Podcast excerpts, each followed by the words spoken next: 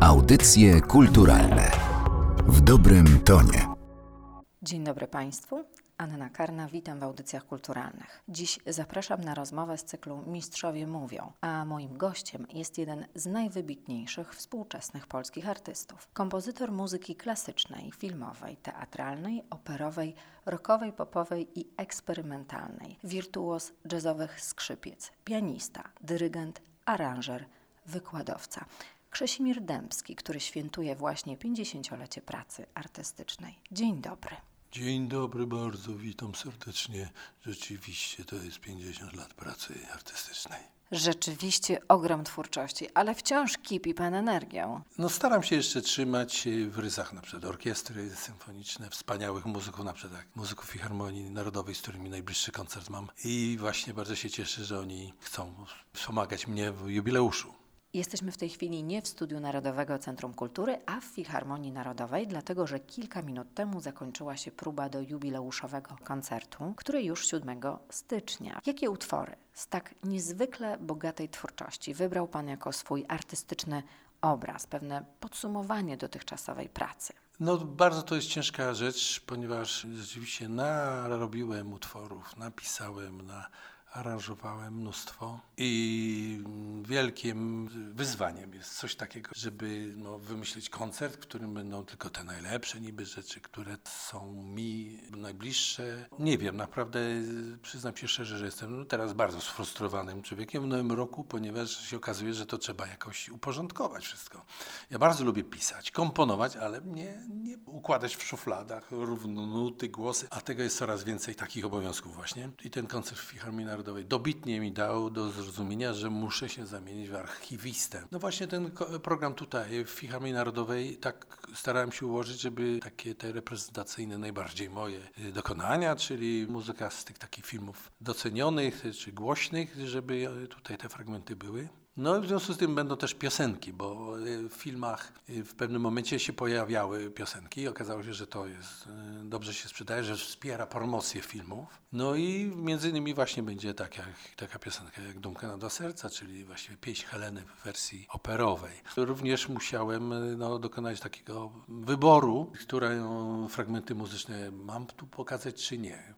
Bo tak się złożyło. I to nigdy tego się nie spodziewałem, że będzie moja muzyka popularna bardzo. I że kiedyś to się pisało jak do serialu, otrzymywałem propozycję, to się y, dostawało propozycję, no, z myślą, że będzie, nie wiem, 14 odcinków, 16, prawda, stawka większa niż życia. Te wszystkie seriale słynne, one miały, no góra 20 odcinków, a tutaj, gdy ja zacząłem pisać na dobre i złe i takie tam Złotopolski, telenowele różne, to się okazało, że tych jest setki, potem y, dziesiątki setek i, i tysiące odcinków. Teraz już jest tam, widzę, 4 tysiące, 4,5 tysiąca. No więc naprawdę bardzo mocno przepraszam słuchaczy i telewizów, że tak namolny byłem, że z tymi wypuczynami moimi, potem wdzierałem się do domów nieproszony i no, haratałem uszy i ludzi bardzo mocno może skrzywdziłem. Bardzo mi przykro z tego powodu. Myślę, że nie ma wielu płaczących y, z tego powodu, a myślę, że wielu się ucieszy, że właśnie te utwory będzie mogło usłyszeć w trakcie tego wieczoru. No ja się będę poprawi- starał poprawić, żeby to była wersja symfoniczna, żeby to bardziej szlachetnie było, nie tak jak w tych serialach, ale być może to jeszcze bardziej ludzi zdenerwuje, że to jeszcze jest zmienione i że to jest jeszcze inaczej. No nie wiem, zupełnie mam mieszane uczucia. Tak się złożyło, że dopiero dzisiaj sobie przypomniałem,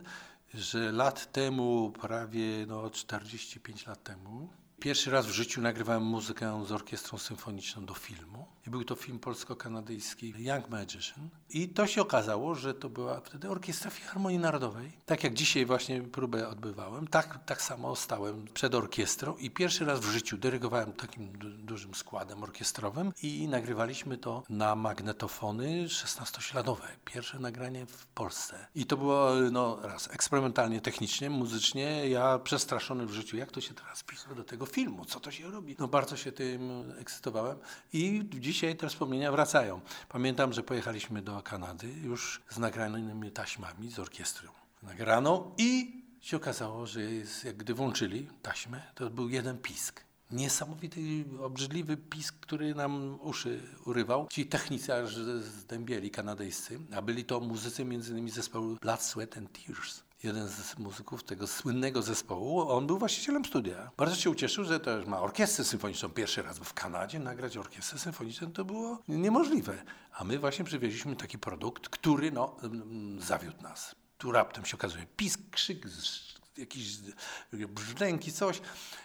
Ale nacisnęli w stole tam, gdzie wiele było wycisków i pyk, pyk, pyk i polikwidowały się te wszystkie pst, pst, brudy to i okazało się, że jest orkiestra. Dobrze nagrana technicznie, że wszystko jest fajnie. No dosłownie pamiętam, że to, prawda, nie skończyło się z zawałem. No i ta muzyka potem dostała nagrody, Genie Award, byłem nominowany do takiej kanadyjskiej najważniejszej nagrody i film się już sprzedawał w bardzo wielu krajach i w Polsce był również wyświetlany pod tytułem Cudowne Dziecko. Skoro rozmawiamy jubileuszowo, to cofnijmy się do tego początku właśnie. Ten początek zawodowej drogi to pierwszy dzień na studiach, pierwszy koncert, pierwszy utwór, a może pierwsze zarobione pieniądze?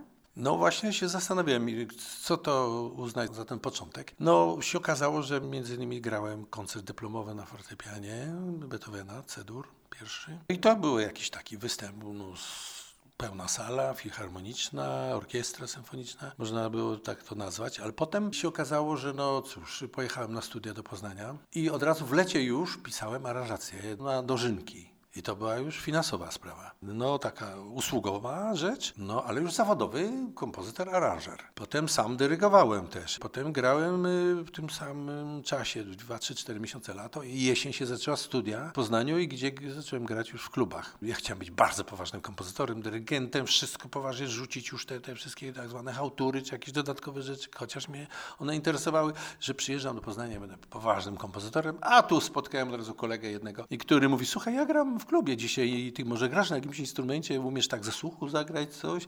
No i nie wytrzymałem, poszedłem i już w klubie pierwszy wieczór jako student w Poznaniu, odebrałem legitymację i od razu do klubu, a tam oczywiście zespół kolegów, którzy lubili nie tylko muzykę, ale okoliczności towarzyszące muzyce, czyli były od razu uczty, pieniądze się zarabiało i to były pieniążki bardzo ciekawe. Wtedy były to czasy, gdzie nie było zaopatrzenia, gdzie brakowało jedzenia, nawet podstawowych rzeczy, a tutaj się zarabiało 130 zł, czyli to był tatar, aprikozy nektar, pół litra wódki w tym się mieściło i jeszcze inne uciechy. No to tak mnie wciągnęło, że potem codziennie już grałem i byłem zawodowym muzykiem od перших дня студів.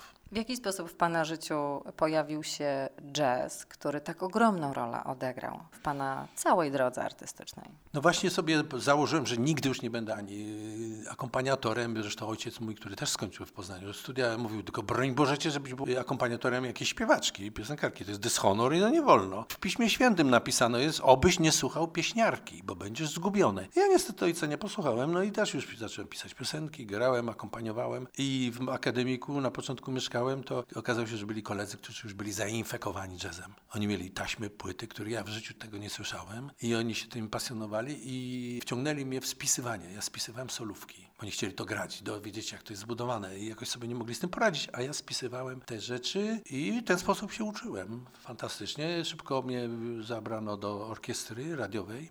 W Poznaniu, gdzie proszę sobie pomyśleć, że to była orkiestra państwowa i za państwowe pieniądze ja spisywałem utwory zagranicznych, amerykańskich wykonawców. Earth, Wind and Fire, zespół Chicago, piosenki różne znane. Ja to wszystko spisywałem za pieniądze. Jeszcze mi płacili za to, a ja się uczyłem aranżować. To była najlepsza szkoła. Na studiach to tam mało co się w zasadzie tam uczyło. A tutaj miałem praktykę od razu nagraniową, techniczną, muzyczną, pisanie nut, aranżowanie, kombinowanie. I to było wspaniale. I właściwie to po roku, dwóch już stanąłem na własne nogi i zacząłem sam w tym komponować. Jak zobaczyłem, jak to jest budowane, że to jest proste takie, że to...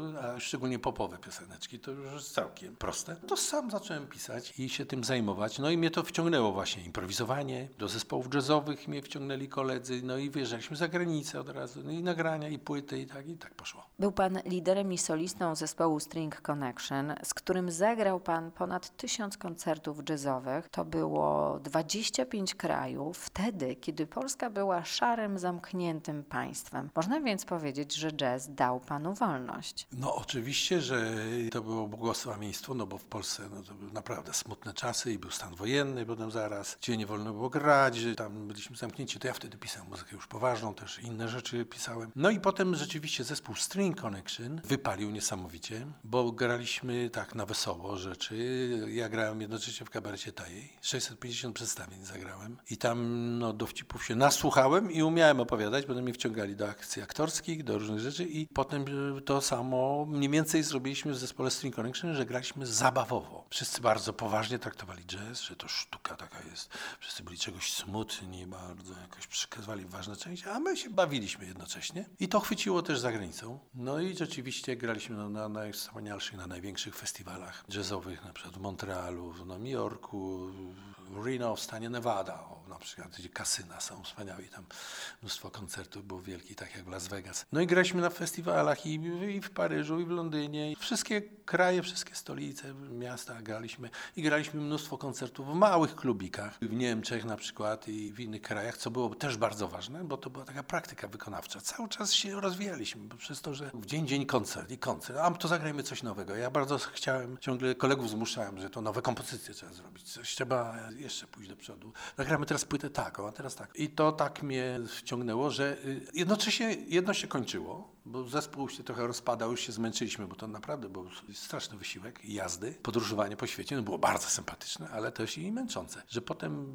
przeszedłem, no, pierwszy film, drugi film, propozycja, a to coś nowego, fajnie pisałem. No i, i do, do, doszło do tego, że przede wszystkim e, orkiestra symfoniczna to była materia, którą się posługiwano w filmie. I tu też mnie ciągnęło, bo studiowałem i dyrygenturę, i kompozycję poważną, więc też te filmowe rzeczy starałem się pisać na orkiestrę, które też potem, ale takie pisałem, żeby można było je zagrać od razu w filharmonii. I stąd dzisiaj tutaj jesteśmy w Filharmonii Narodowej, że ja w zasadzie każdą muzykę, którą pisałem, to była napisana na instrumenty klasyczne z udziałem orkiestry symfonicznej, mniejszej, większej, z solistami czy z chórami, ale było to tworzywo klasyczne, które można było używać na różne sposoby, niecne nawet sposoby, czyli że z udziałem chóru, z tego tworzywa, które jest najtrwalsze.